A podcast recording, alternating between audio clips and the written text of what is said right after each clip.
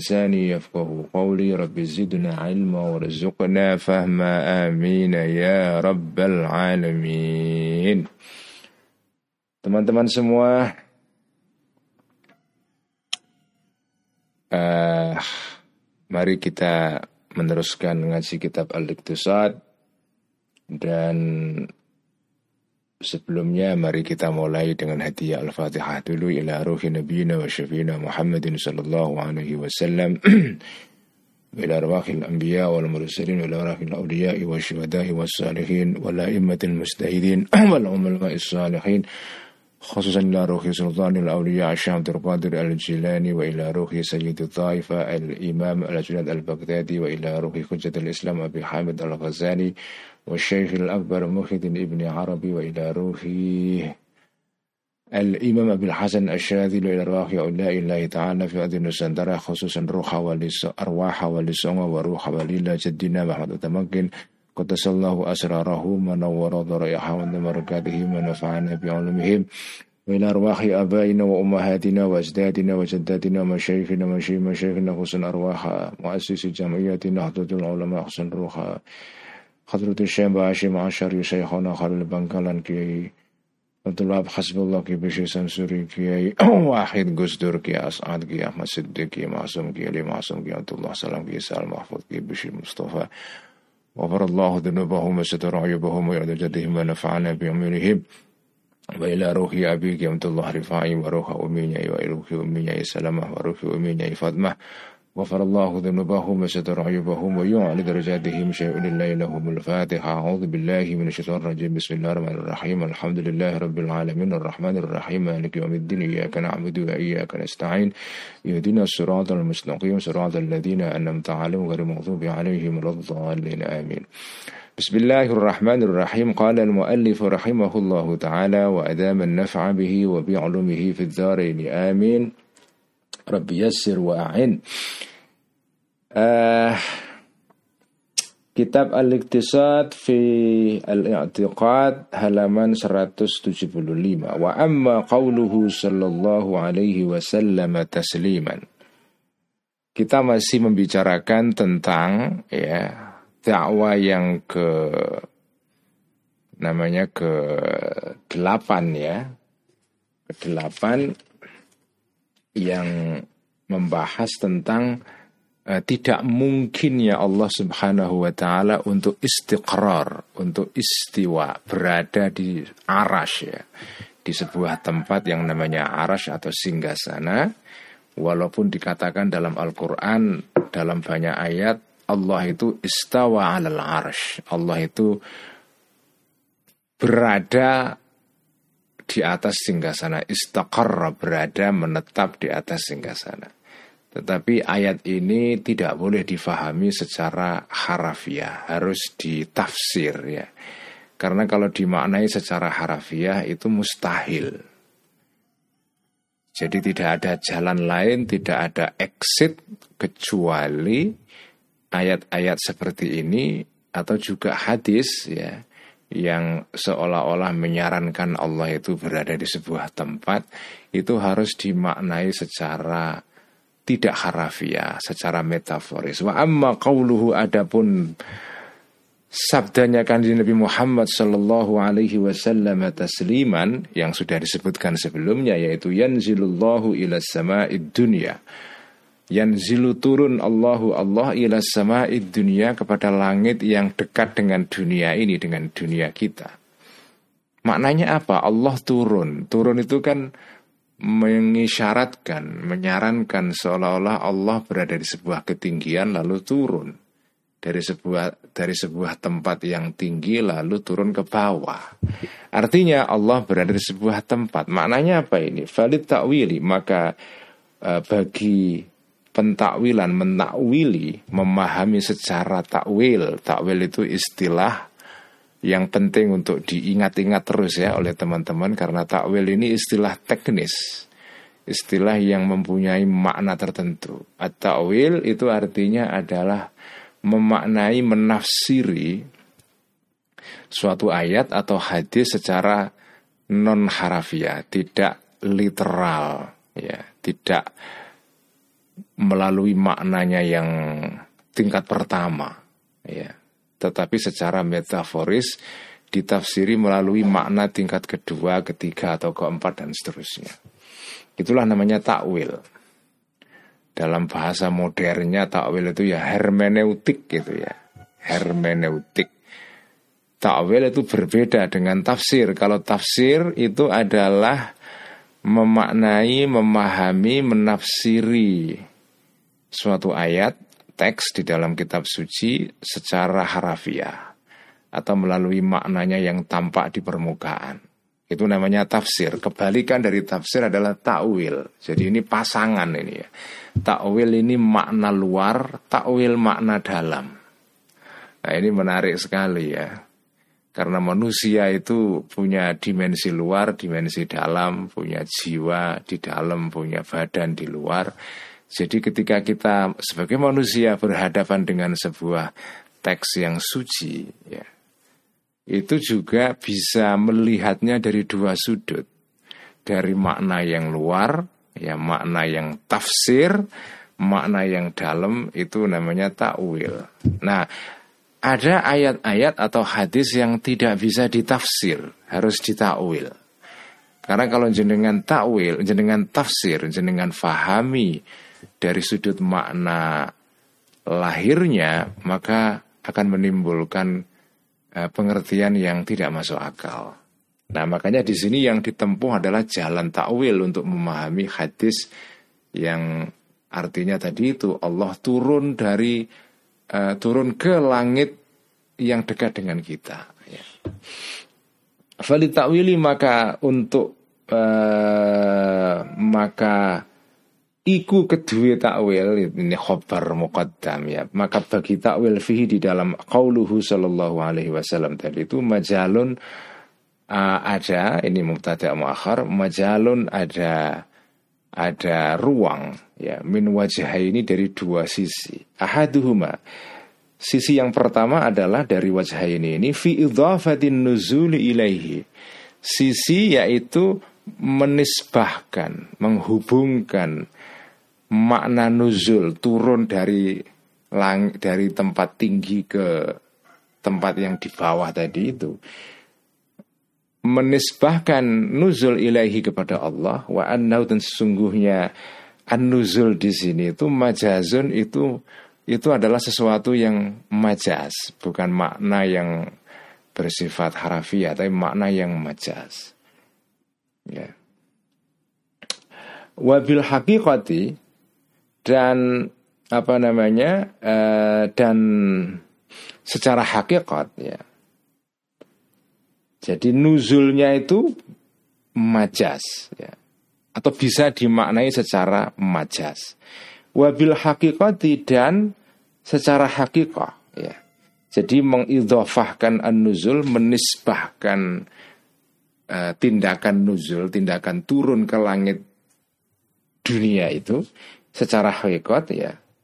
Wabil hakikati dan secara hakikat huwa nuzul itu adalah mudhafun. Itu dinisbahkan ila malakin kepada malaikat minal malaikati dari malaikat-malaikatnya Allah. Kama kala, kama sebagaimana firman kala yang memfirmankan, memfirmankan Allah Ta'ala terhadap ma, yaitu ayat di dalam surah Al-Kahfi ya, was'alil qarya. Ya. Oh, bukan Al-Kahfi ini ya, saya lupa ayatnya ya. Was'alil qarya ya. Uh, was'alil qarya. Ya. Ini ada ayat bunyinya was'alil qarya dan tanyalah engkau al-qaryata kepada desa. Apa mungkin jenengan tanya kepada desa itu? Tidak mungkin. Maksudnya desa di sini ya penduduk desa. Wal mas'ulu yang yang yang ditanyai bil hakikati secara hakikat itu sebetulnya bukan desanya tetapi ahlul qaryati adalah penduduk desa.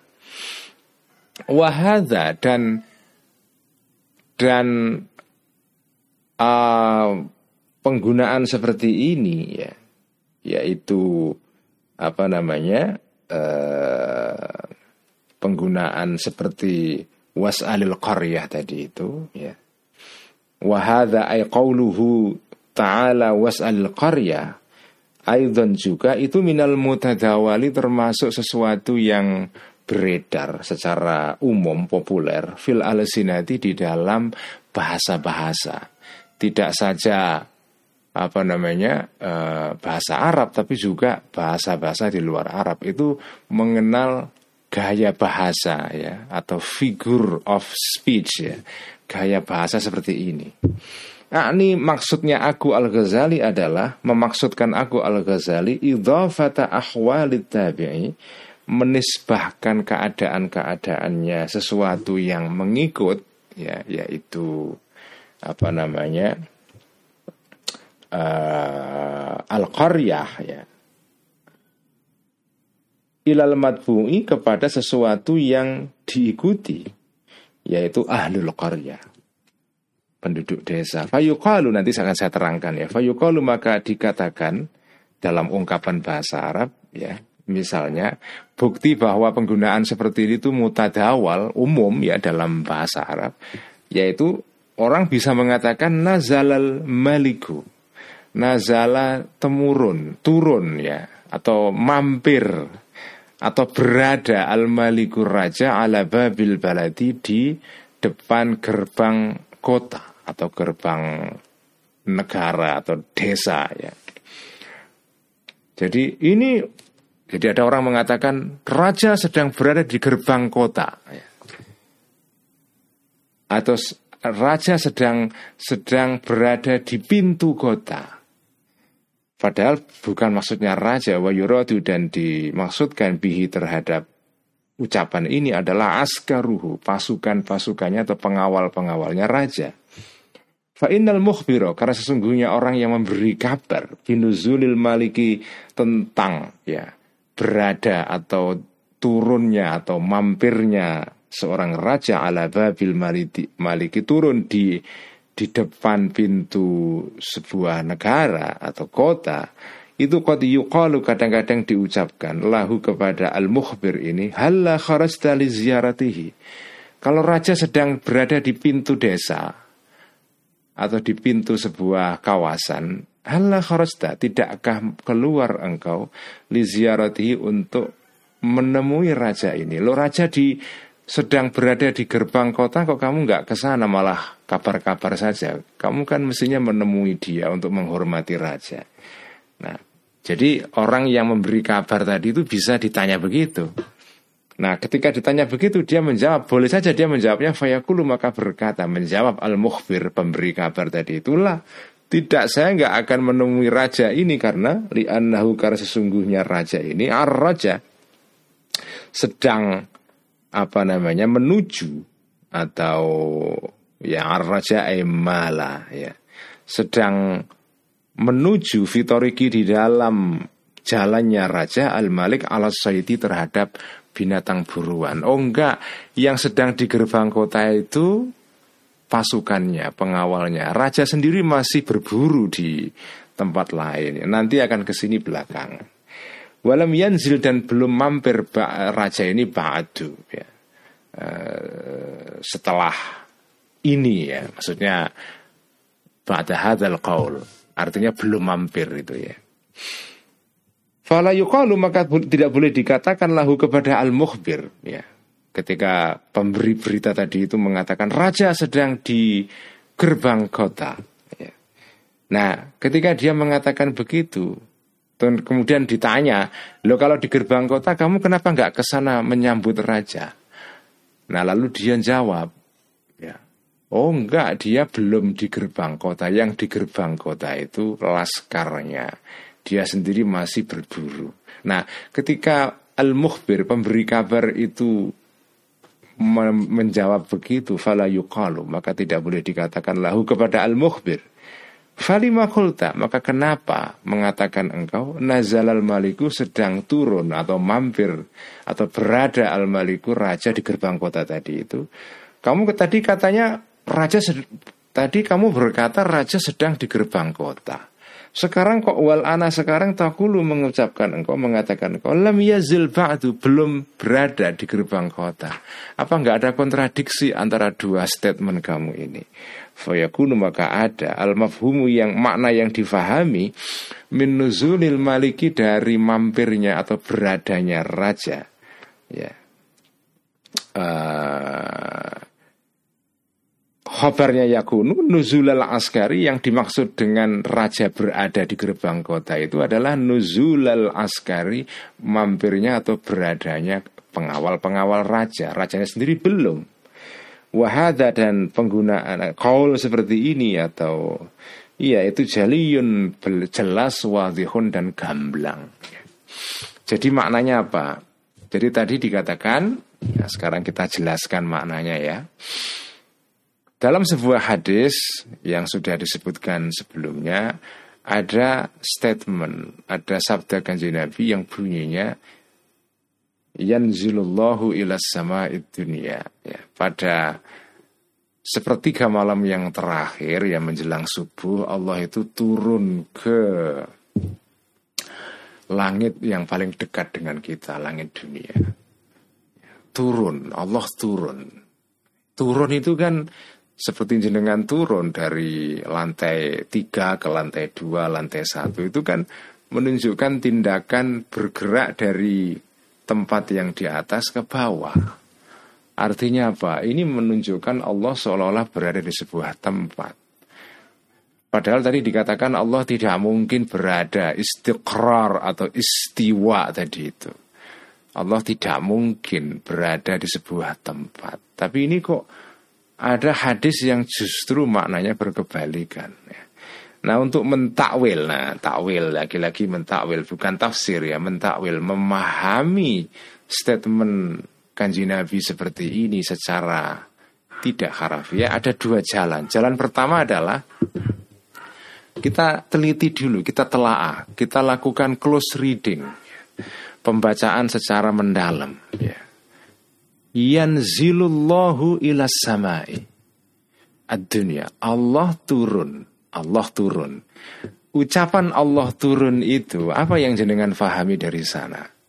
Allah turun. Pernyataan seperti ini mengandung makna idhafatun nuzul ilallah. Ya.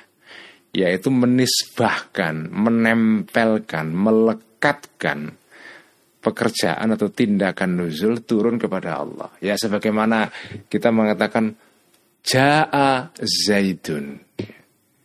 Zaid datang. Kalimat seperti ini itu mengandung makna apa? Idhafatul maji'i ila zaidin. Menisbahkan, menempelkan tindakan datang kepada orang namanya Zaid setiap kalimat yang mengandung subjek dan predikat ya, itu maknanya adalah di situ ada idhofah ada menempelkan sesuatu kepada sesuatu yang lain. Ketika jenengan mengatakan uh, Hasan pergi. Atau misalnya Joni tidur. Atau misalnya Mahmud jual. Itu kalimat-kalimat seperti itu itu mengandung pengertian idhofah, menempelkan sesuatu, pekerjaan kepada orang yang melakukan pekerjaan itu. Jadi setiap statement yang mengandung unsur subjek dan predikat, ya, subjek biasanya berupa kata benda, predikat berupa predikat berupa kata kerja. Itu pasti mengandung makna idhofa. Ini pengertian linguistik sederhana ini ya. Ini kaidah sederhana di dalam berbahasa. Tidak saja berlaku dalam bahasa Arab tapi juga berlaku untuk semua bahasa. Ya, ketika kita mengatakan sebuah kalimat yang tersusun dari subjek dan predikat, ya maka di situ mengandung pengertian kita melekatkan predikat kepada subjek ya yanzilullahu ya Allah turun itu berarti di dalam kalimat ini pernyataan ini ada unsur tadi itu idhafatun nuzul ilallah menisbahkan tindakan turun kepada Allah nah sekarang persoalannya turun di sini itu maknanya apa? Apakah turun secara harafiah atau turun secara hakikah? Ya. Ada dua kemungkinan. Nah ini di sini uh, maknanya kalimat atau paragraf yang kita baca tadi itu adalah ini. Jadi pengertian Allah turun itu bisa dua hal. Bisa dimaknai secara majas, tidak harafiah. Ya. Artinya Allah turun ini bukan turun dalam pengertian turun beneran, tapi yang turun adalah rahmatnya misalnya. Nah itu itu itu jalan pertama atau opsi pertama untuk memahami hadis ini. Opsi kedua maknanya adalah hakikoh, makna yang bukan majas, makna tingkat pertama, makna denotatif, bukan konotatif ya, makna tingkat pertama, hakikoh. Ya memang betul Allah turun, tetapi maksudnya yang turun itu bukan Allahnya, tapi para malaikat. Jadi yanzilullahu artinya yanzilu malaikatullahi atau malakullahi. Yang turun bukan Allah tetapi malaikatnya Allah. Jadi di sini walaupun tembungnya redaksinya itu adalah Allah turun tetapi di sini ada ada kata yang dibuang. Tetapi kata yang dibuang ini itu bagi orang yang paham tentang bahasa, dia bisa melihat walaupun dihilangkan tetapi dia masih melihat kata yang dibuang ini. Ketika memaknainya ini dia kemudian memunculkan kembali kata yang dibuang itu. Dan hal seperti ini mutadawal berlaku umum di dalam bahasa Arab. Dalam Al-Quran misalnya dikatakan was'alil qarya dan tanyalah kepada desa. Ketika jenengan mendengar pernyataan seperti itu, tanyalah kepada desa. Itu kan tidak artinya bertanya kepada desa karena desa bukan manusia, nggak bisa ditanya. Was'alil qarya artinya was'al ahlal qarya, penduduk desa. Jadi di sini ada apa namanya? Ada at-tabi' wal matbu. Ya, yang disebutkan adalah at-tabi' tetapi maksudnya adalah al-matbu. At-tabi' sesuatu yang mengikut makmum ya sesuatu yang apa namanya uh, bersifat pengikut tetapi yang dimaksudkan adalah yang diikuti. Yang disebut di sini adalah ah, al korea was al al korea tanyalah kepada desa. Tapi desa ini pengikut karena desa ini maksudnya adalah penduduk desa. Jadi desa itu bersifat sekunder primernya adalah penduduknya jadi ada at-tabi' yaitu al-qaryah, al-matbu' yaitu ahlul qaryah. Nah, ketika disebutkan was'alil qaryah yang disebut yang, disebut adalah tabi'nya atau sesuatu yang mengikut di dalam kalimat ini, tetapi yang dimaksudkan adalah yang diikuti, yaitu ahlul qaryah itu. Ya, misalnya ini seperti orang mengatakan raja sedang berada di gerbang apa itu desa. Itu boleh jadi artinya bukan ya memang raja sedang di gerbang desa, tapi bisa juga artinya yang di gerbang desa itu pengikut-pengikutnya. Pengawalnya sudah sampai di gerbang desa. Rajanya sendiri masih dalam perjalanan. Ya, ini dalam bahasa Indonesia atau bahasa Jawa juga terjadi ya. Jadi Eh, sesuatu disebut tetapi maknanya itu adalah sesuatu yang lain yang tidak disebut di situ. Ya.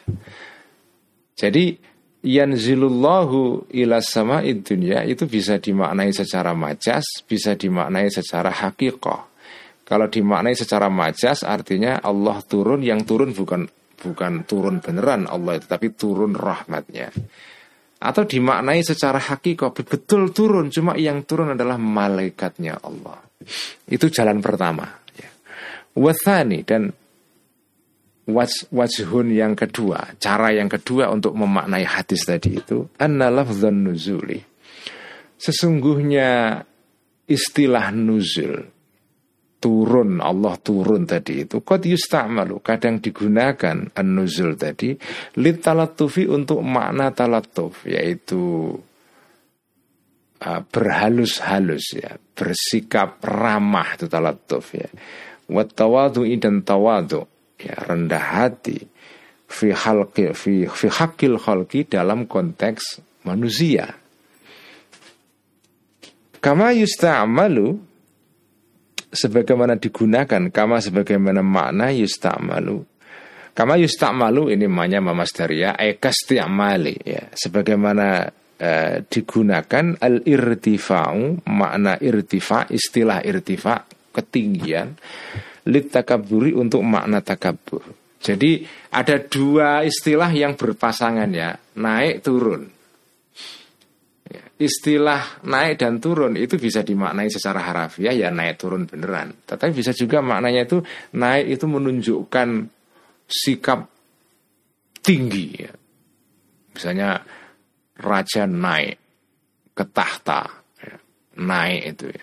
Naik di sini artinya bukan naik beneran tapi naik dalam pengertian dalam pengertian kesombongan, kebesaran, ya. takabur dan irtifa ya. Nah, istilah turun sebaliknya, istilah turun itu menunjukkan sikap rendah hati, keramahan, ya. Eh, kelembutan. Jadi turun di sini bukan turun dalam pengertian harafiah tapi makna seperti itu ya. Jadi kalau naik itu menunjukkan kesombongan, ketinggian, ya, kehormatan, turun menunjukkan kerendah hatian, sikap uh, sayang dan uh, apa namanya lembut ya. Yukalu dikatakan fulanun rafa'a ra'sahu ila ananis sama. Ini ungkapan dalam bahasa Arab ya. Fulanun seseorang ya rafa'a mengangkat raksa fulan ini raksahu terhadap kepalanya fulan ila ananis samai kepada kepada langit kepada anan itu ya puncak langit ya sesuatu yang nampak dari kata anna yainu ananan ya artinya ya bagian yang nampak dari langit itu ila ananis sama Seseorang mengangkat kepalanya ke atas melihat langit. Nah, ini ucapan ini, statement ini maknanya apa? Ya, Aitakabbar. Maksudnya bersikap takabur. Orang orang tadi itu bersikap takabur, mendongak ke atas. Orang mendongakkan kepalanya ke atas, itu maknanya apa? Takabur. Jadi rofa'a mengangkat kepala ke atas, itu maknanya takabur. Jadi jadi ketika ada orang mengatakan orang itu mendongakkan kepalanya ke atas, itu tidak mesti orang itu benar-benar mendongakkan kepalanya. Maknanya adalah sebetulnya orang itu takabur, sombong. Nah kesombongan itu dianalogikan, diserupakan dengan orang yang mendongak ke atas. Karena biasanya sikap mendongak ke atas itu menunjukkan kesombongan itu ya. Nah inilah, jadi bahasa manusia ini memang unik ya. Bahasa manusia ini kompleks ya. Ada hal-hal yang eh, secara harafiah, secara eksplisitnya dikatakan begini maknanya begitu ya. Dikatakan begitu maknanya begini. Oh, itulah, itulah uniknya bahasa manusia itu ya. Jadi bahasa manusia itu kadang-kadang dalam bahasa Inggris itu elusif ya, elusif, merucut ya, apa? Susah ditangkap karena pernyataannya secara harafiah itu A, maknanya B atau C atau D, itu namanya elusif, merucutan, ya. merucut itu, kayak lele itu loh, ini teman-teman yang pernah hidup di desa dulu zaman zaman Asurena ya. Nangkap lele itu di sawah itu atau di kali itu kan licin ya. Ditangkap merusut tangkap merusut itu ya. nah itu. Bahasa itu kayak ikan lele itu ya maknanya itu susah ditangkap kadang-kadang karena itu membutuhkan kecerdasan ketika kita memahami bahasa manusia sebagaimana orang yang mencari lele harus punya pelihaian tangan ya untuk bisa menangkap lele supaya tidak merucut lelenya itu. Orang yang tidak paham tentang karakter bahasa seperti ini bisa salah sangka dan sering kali terjadi salah sangka di antara manusia karena faktor bahasa. orang bisa tengkar, bisa konflik, bahkan bisa perang. Karena gara-gara memahami bahasa secara keliru. Ya, si A mengatakan B, maksudnya C, ya temennya memaknainya A ya A beneran. Wah, atau maknanya B ya B beneran, padahal maksudnya itu C. Nah inilah sifat bahasa yang elusif ya, uh, elusiveness ya, ke kelicinan bahasa itu ya, bahasa yang begitu licin dan dan dan mudah merucut itulah yang menyebabkan uh, manusia kadang-kadang salah menangkap pengertian. Jadi istilah fulanun rafa'a ra'sahu ila ananis samai itu itu ya. Seseorang mendongakkan kepalanya ke atas. Itu tidak berarti mendongak beneran. Artinya dia takabur ya. Wa yuqalu dan dikatakan juga boleh juga dikatakan ya sebagai ungkapan irtafa'a ila a'la illiyina irtafa'a naik seseorang fulan tadi itu ila a'la illiyina kepada tempat atas yang paling atas itu artinya bukan berarti dia naik beneran. Aita azama merasa besar fulan tadi itu.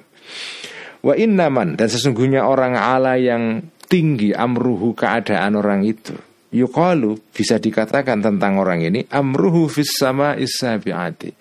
Statusnya orang itu fis sama isabiati di langit ketujuh. Itu bukan berarti dia di sana di langit ketujuh beneran artinya itu ya orang ini tinggi sekali martabatnya Wa fi mu'aradatihi. Dan di dalam memperlawankan ya mengkontraskan uh, fulan tadi itu Idza ketika jatuh rutbatuhu pangkatnya fulan orang tadi itu yuqalu bisa dikatakan qad hawa ila asfalis safilina. Kalau dia naik derajatnya disebut irtafa'a ila a'la illiyina. Dia naik ke apa namanya ke tingkat atau ke tempat yang paling tinggi, ke tempat tinggi yang paling tinggi. Sebaliknya, kalau dia sedang jatuh pangkatnya, dia disebut qad hawa ila asfalis. Telah jatuh seseorang fulan tadi itu ila asfalis kepada paling bawahnya orang-orang paling bawah. Itu bukan artinya dia jatuh beneran ya, dia sedang jatuh martabatnya.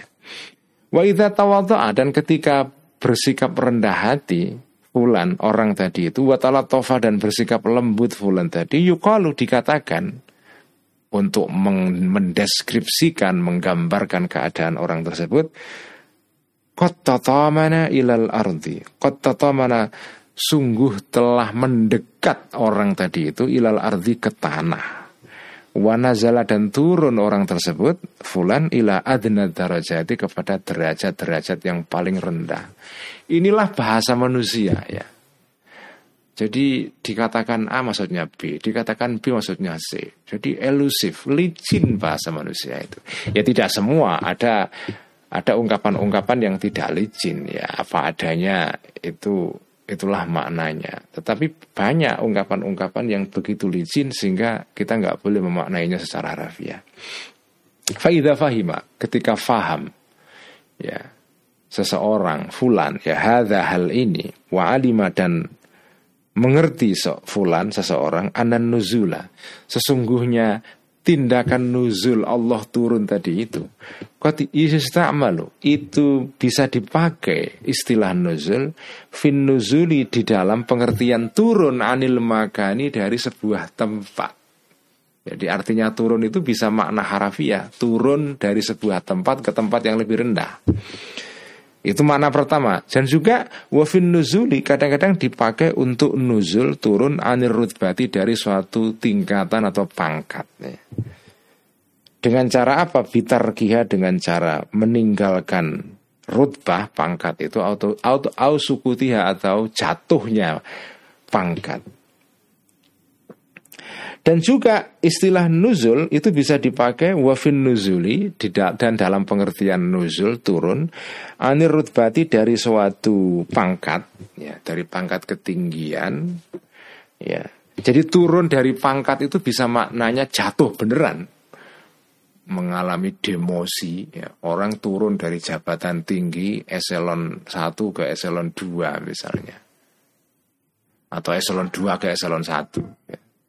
Dari eselon 3 ke eselon 2 itu kan jatuh kan ya?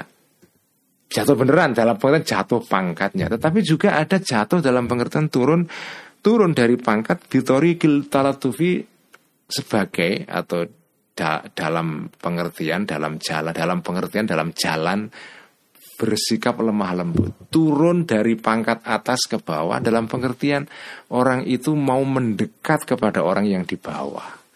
Untuk menampakkan rasa kasih sayang.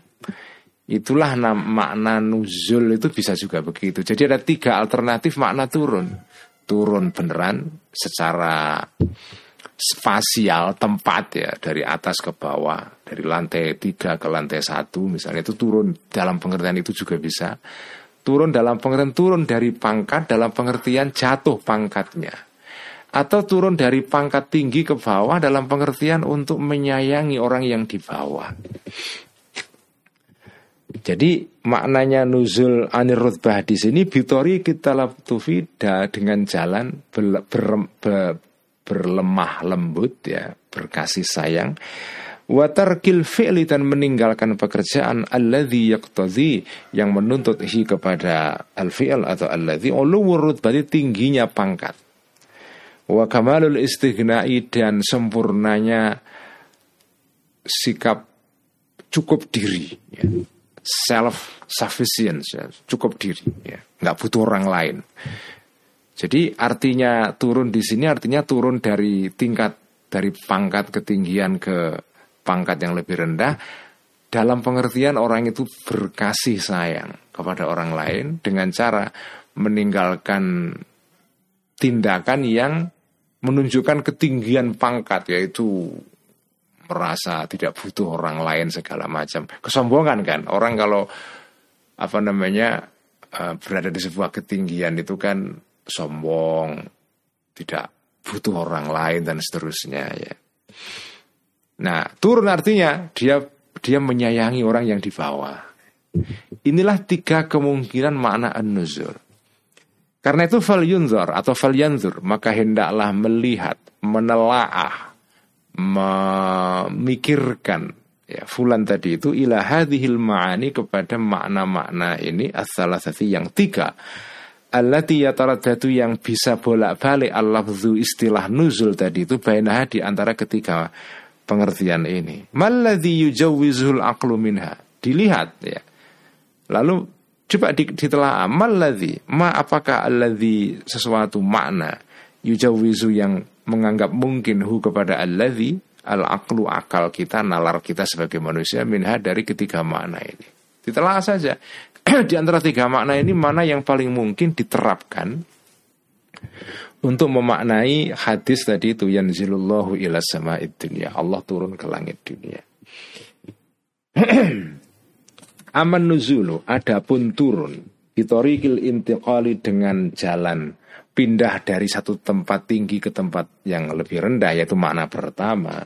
Fakat ahala maka telah menganggap mustahil hu kepada makna ini. Al-aklu akal atau nalar manusia kama sebagaimana keterangan sabako yang sudah terdahulu keterangan itu. Yaitu tadi dalam bab sebelumnya diterangkan Allah tidak mungkin berada di sebuah tempat ya. Sebuah arah itu tidak mungkin jadi makna pertama ini langsung dieliminasi nggak mungkin ya fa inna karena karena sesungguhnya An-nuzul bitorikil intiqal tadi itu la yumkin tidak mungkin zalika ini illa fi mutahayyizin kecuali di dalam hal barang yang punya tempat ya. Jadi kalau sesuatu itu punya tempat dia berada di sebuah tempat maka kalau dia dikatakan turun itu maknanya intiqal bitori atau nuzul bitorikil intiqal ya. Dia bisa dikatakan turun dalam pengertian turun dari sebuah tempat ke tinggi ke tingkat ke tempat yang bawah. Karena dia berupa barang yang mutahayis, barang yang ada ruangnya, ada bentuk fisiknya sehingga ada ruangnya. Allah tidak mutahayyiz karena itu tidak mungkin Allah dikatakan turun dalam pengertian intiqal pindah dari satu tempat ke tempat yang lain. Oke, makna pertama dieliminasi. Wa amma suku turut bati. Adapun makna yaitu suku turut jatuhnya status. Ya fahuwa maka makna ini nuzul suku turut muhalun juga muhal. Kenapa? Li annahu karena sesungguhnya Allah Ta'ala Qadimun itu bersifat qadim ya Abadi Bisifati dengan sifat-sifatnya Allah. Wajalalihi dan keagungan Allah. Wala yumkinu ya. Allah itu kan bersifat luhur, tinggi. Dan sifatnya itu abadi. Karena itu nggak mungkin berubah jadi Dari luhur menjadi rendah Itu nggak mungkin wala yumkinu dan tidak mungkin zawalu uluwihi hilangnya ketinggian Allah ya. Karena sifat Allah itu kodim, abadi, semua sama. Allah itu maha luhur.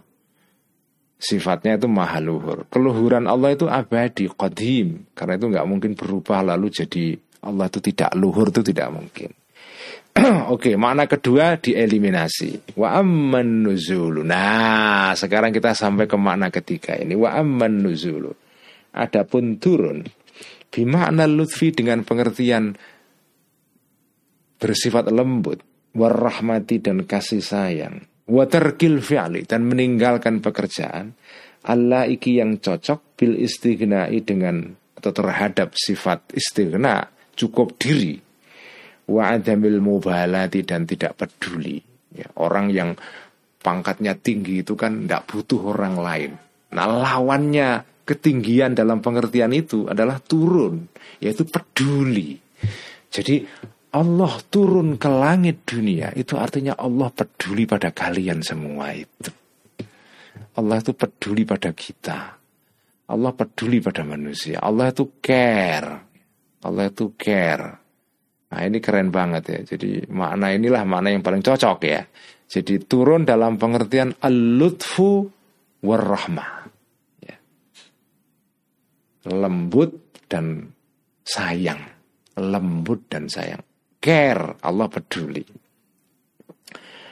Innahu, sesungguhnya apa namanya keadaan berikut ini Dhamir sya'an Lama nazala Ketika turun Qauluhu firman Allah Ta'ala Rafi'ud darajati dhul arshi. Di Quran dikatakan Allah itu rafi'ud darajati Tinggi derajatnya. Dhul arshi memiliki singgasana Allah itu tinggi derajatnya Berada di singgasana Ini statement seperti ini Itu bisa menimbulkan pengertian yang keliru Kepada sebagian orang mukmin ya. Apa itu? Wah karena Allah itu tinggi. Susah kita menyentuhnya itu. Artinya apa? Allah nggak peduli sama kita itu.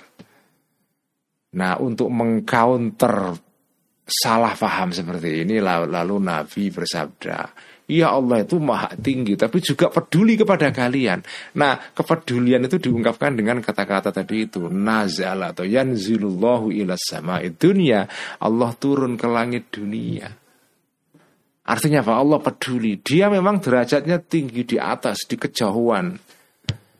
Di sesuatu yang tidak mungkin disentuh manusia, untouchable. Ya. Tetapi Allah itu juga touchable. Ya. Allah itu untouchable tapi juga touchable. Allah tidak tersentuh tapi juga tersentuh. Ya. Tidak tersentuh karena ketinggian derajatnya. Tersentuh dalam pengertian Allah dekat kepada kita karena Allah sayang dan peduli sama kita. Jadi ketika ayat ini turun rafi'ud darajati dzul arsy nah, istasyara merasa as-sahabat para sahabat kanjeng Nabi minhu dari firman Allah ini merasa mahabatan sifat apa sikap takut ya. Keengganan ketakutan azimatan yang besar. Allah tinggi. Wah itu menimbulkan kegentaran itu ya. Menimbulkan tremble ke kegentaran pada kita wah tinggi Gak mungkin kita sentuh nah, bisa saja orang ketika mendengar ayat tadi itu Rafi'ud darajatitul arash itu memahaminya seperti itu ya. Wastafa'atu dan menganggap mustahil atau jauh para sahabat ini al atau keluasan visuali di dalam meminta. Karena Allah maha tinggi, nggak mungkin dimintai di apa itu dijadikan sebagai objek untuk berdoa itu. Mungkin kita berdoa kepada Allah karena tinggi. Awit doa atau menganggap mustahil jauh doa menduk berdoa minta kepada Allah ma'adzalikal jalali bersama ke keagungan seperti itu ya. Nah, untuk mengcounter salah paham seperti ini fauh biru, maka diberikan informasi, dikabari para sahabat tadi itu bi Allah taala. Sesungguhnya Allah taala ma'a izami jalali. Walaupun besar keagungan Allah, wa sya'ni dan ketinggian rutbah atau pangkatnya Allah. Itu mutalatifun. Walaupun Allah itu tinggi, tetapi mutalatifun itu bersikap sayang, atau lembut bi ibadihi terhadap hamba-hambanya Allah rahimun sayang bihim terhadap mereka. Mustajibun mengijabai meloloskan mengijabai doanya lahum terhadap para hamba-hamba ini. Ma'al istighnai beserta ya walaupun Allah ini cukup diri nggak butuh anhum dari mereka ini idza ketika Allah memanggil eh, atau tidak tahu ketika memanggil para hamba-hamba ini hu kepada Allah. Jadi Allah ini nggak butuh manusia. Nah, tidak butuh itu artinya Allah tinggi, tetapi juga peduli. Nah, tidak pedulinya Allah itu diungkapkan dengan kata-kata Allah turun. Jadi Allah naik, Allah juga turun dalam pengertian seperti itu. Wa ka'anna istijabat da'wati dan seolah-olah meluluskan, meluluskan doa ya doanya hamba itu nuzulun adalah turun ya. Jadi ketika Allah itu mengijabai mendengar doanya hambanya itu seperti seolah-olah Allah ini turun dari ketinggian ke bawah. Jadi itu sebetulnya mengijabai doa itu turun. Nah, turun bil idhafati dalam kaitan dalam hubungannya ilama terhadap sesuatu keadaan atau sifat yaktadi yang menuntut hi kepada ma zalikal jalalu. Apa sifat keagungan seperti itu ya. Apa itu sesuatu yang merupakan konsekuensi dari sifat sifat agung itu? Yaitu minal istighnai berupa uh, rasa cukup diri tidak butuh orang lain wa adamil mubalati dan tidak adanya kepedulian. Jadi tinggi itu seolah-olah maknanya kan bisa juga maknanya tidak butuh orang lain, nggak peduli. Allah memang maha tinggi, tetapi juga sekaligus maha peduli. Nah itulah itulah kenapa ada hadis tadi itu Allah turun ke langit itu. Fa'abar maka mengungkapkan atau fa'obir ya, lebih baik fa'obir ya maka diungkapkan anzalika dari pengertian turun seperti itu ya bin nuzuli dengan turun istilah turun nuzul itu. Tasjian untuk mengung, mendorong likulu bila ibadi terhadap hati hatinya para hamba-hamba alal mubahasatati untuk berluas-luas artinya ber, memperbanyak bil adiyati terhadap doa-doa. Bukan hanya doa saja bal alal rukui sebalik bahkan juga mendorong untuk ruko untuk apa namanya apa ruko itu ya ruko ya bowing apa namanya menunduk ya. Wasujudi dan sujud. Fa naman karena sesungguhnya orang yastashiru yang merasa orang ini. Biqadri taqatihi. Dengan kadar kemampuannya orang ini ya. Mabadia apa namanya biqadri atau itu sesekadar kemampuannya orang tersebut merasa mabadia jalalillahi taala terhadap makna-makna yang tampak dari keagungan Allah taala. Orang yang sesuai dengan kemampuan akalnya yang terbatas ya umumnya orang ketika mendengar Allah itu maha agung itu boleh jadi dia merasa istaba'ada merasa jauh, menganggap jauh orang orang ini sujud jauh terhadap sujud kepada Allah, wa dan rukuk kepada Allah. atau sujud tahu kepada sujudnya orang tersebut waruku'au dan rukuknya orang itu. Jadi ketika Allah dikatakan maha tinggi, wah itu kemudian orang merasa wah saya nggak perlu sujud, nggak perlu rukuk karena Allah terlalu jauh. Tetapi kalau dikatakan Allah turun menuju kita, nah, kita merasakan kedekatan Allah kepada kita karena itu kita layak rukuk dan sujud sholat beribadah kepada Allah itu.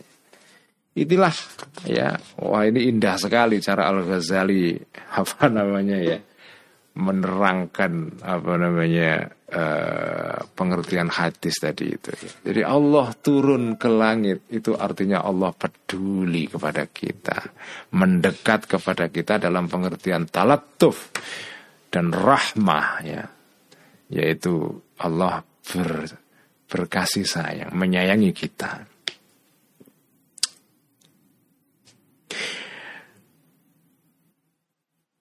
Fa inna taqarrubal ibadi karena sesungguhnya mendekatnya para hamba-hamba kullihim semuanya bil idhafati dalam kaitan ila jalalillahi taala kepada keagungan Allah taala. Akhassu itu lebih rendah min tahrikil abdi dari menggerakkannya seorang hamba isbi'an terhadap jari-jari min asabi terhadap kedua jari-jarinya uh, hamba tadi ya ada orang menggerakkan jari-jari, jari-jari itu kecil ya, anggota badan yang kecil, menggerakkan jari-jari ala qasdi untuk atau dengan tujuan mendekat ila malikin terhadap raja min mulukil arti dari raja-raja bumi.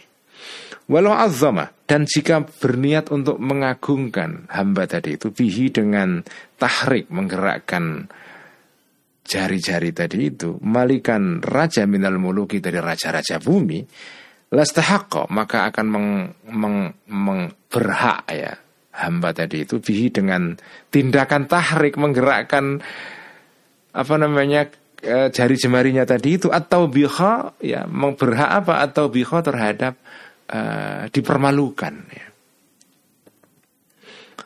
Bal min adatil muluki bahkan salah satu kebiasaan para raja-raja bumi itu zajrul aradhili itu mencegah orang-orang yang rendah pangkatnya anil khidmati untuk melayani raja wasujudi dan sujud baina aidim di, di depan di depannya raja-raja.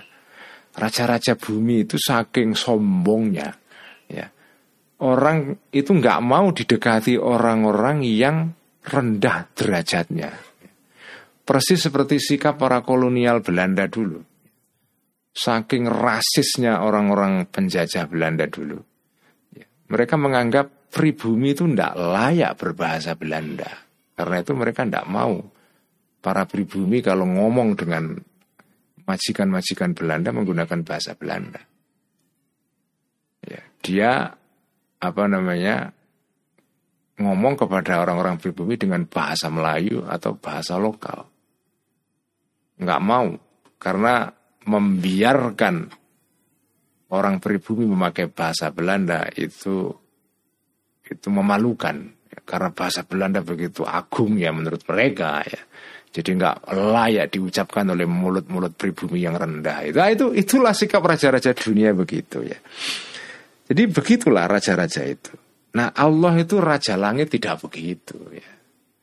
Allah mau turun dalam pengertian peduli dan menyayangi hamba-hambanya. Tidak seperti raja-raja bumi yang nggak mau didekati oleh rakyatnya itu. Jadi mencegah orang-orang yang rendah derajatnya untuk melayani raja, bili dan apa namanya uh, menghadap ya. Bukan At-takbil itu bisa mananya mencium tangan tapi di sini wat-takbili dan menghadap li'atabati atau mencium juga bisa li'atabati durihim terhadap apa namanya uh, ambalan atau ya ambal itu apa namanya ya tangga ya. Tangga istana-istananya raja-raja itu. Kenapa istiqoran karena menganggap rendah raja-raja ini lahum kepada para hamba-hamba ini para aradhil anil istikhdami dari melayani raja. Wa ta'azuman dan merasa besar anistikhdami ghairil umarai terhadap apa namanya uh, meminta layanan ya orang-orang yang bukan para amir-amir, para bangsawan wal akabiri dan para pembesar-pembesar. Kama jarot sebagaimana kebiasaan jarot yang terjadi umum bihi terhadap ma'adatu ba'dil khulafai kebiasaan sebagian para raja-raja, khalifah-khalifah. Allah tidak begitu, makanya Allah turun itu ya. Falaulan nuzul, maka jika tidak karena turun Allah turun tadi itu an muqtadal jalali dari dari apa namanya dari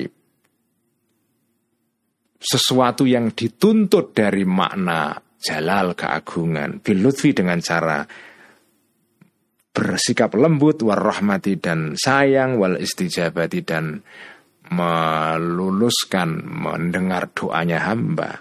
Laktodo maka akan menuntut akan mengimplikasikan. Ya zalikal jalalu ya makna atau um, apa itu sifat keagungan Allah tadi itu ya itu maknanya kalau tidak Allah tadi diimbangi dengan turun maka Allah memiliki makna agung. Allah jalla jalalu Allah maha agung dan tinggi itu itu maknanya bisa mengandung pengertian ini yaitu antubhata untuk didiamkan al okulu akal-akalnya manusia anil fikri dari menelaah memikirkan Allah. Karena Allah begitu agung tidak mungkin dipikirkan oleh pikiran manusia dinalar. Jadi membuat jadi istilah Allah Maha Agung itu terus membuat manusia frustrasi. Kalau Maha Agung terus kami nggak bisa menjangkau terus apa? Maknanya tujuannya punya Tuhan itu untuk apa?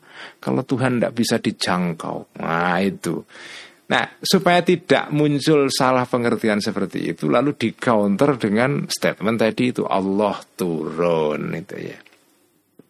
Waktu khrasa dan dibungkam al alsinatu mulut-mulut anil zikri dari menyebut nama Allah begitu agungnya Allah membuat manusia jadi frustrasi nggak mau menyebut zikir Allah mau agung tinggi ya.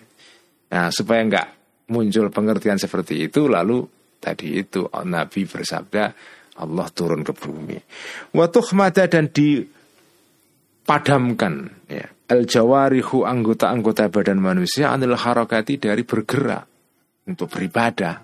Gak mungkin beribadah kepada Allah, Allah maha tinggi itu ya. Nah inilah kalau tidak karena ada statement Allah itu turun, ini semua terjadi ini salah pengertian ini. Nah supaya tidak terjadi lalu ya tadi Nabi bersabda seperti itu. Faman maka barang siapa lahadha melihat orang ini Dhalikal jalala. Keagungan Allah tadi itu. Tapi juga sekaligus wahadhal lutfa Dan kasih kelembutan Allah ini Istabana. Maka jadi jelas lahu bagi seorang hamba ini alal qat'i pasti secara pasti anna ibaratan nuzuli. Sesungguhnya istilah nuzul turun tadi itu itu mutabiqatun itu cocok lil hali kepada keadaan tadi itu. Allah Maha tinggi tapi peduli. Jadi turun di sini pas pengertian turun itu ini itu ya. Walafzun dan lafal istilah mutlakon yang dipakai fi maudhihi di dalam tempatnya lafal ini. Jadi secara kebahasaan ini pas ya Lakin ala la alama. Tetapi tidak sesuai pengertian. Fahima yang memahami hu kepada ma'al juhalu Orang-orang yang bodoh. Ya.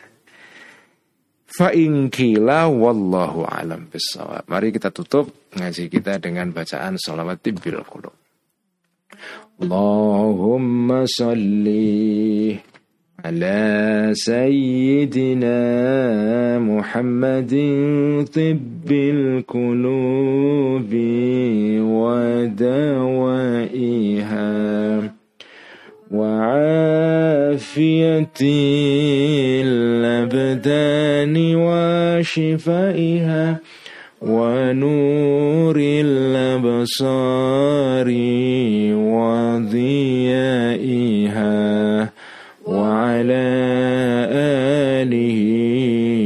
وصحبه وسلم. اللهم صل على سيدنا محمد طب القلوب ودوائها وعافية الأبدان وشفائها ونور الأبصار وضيائها وعلى آله وصحبه وسلم. اللهم صل على سيدنا محمد طب القلوب ودوائها وعافية الأبدان وشفائها ونور الأبصار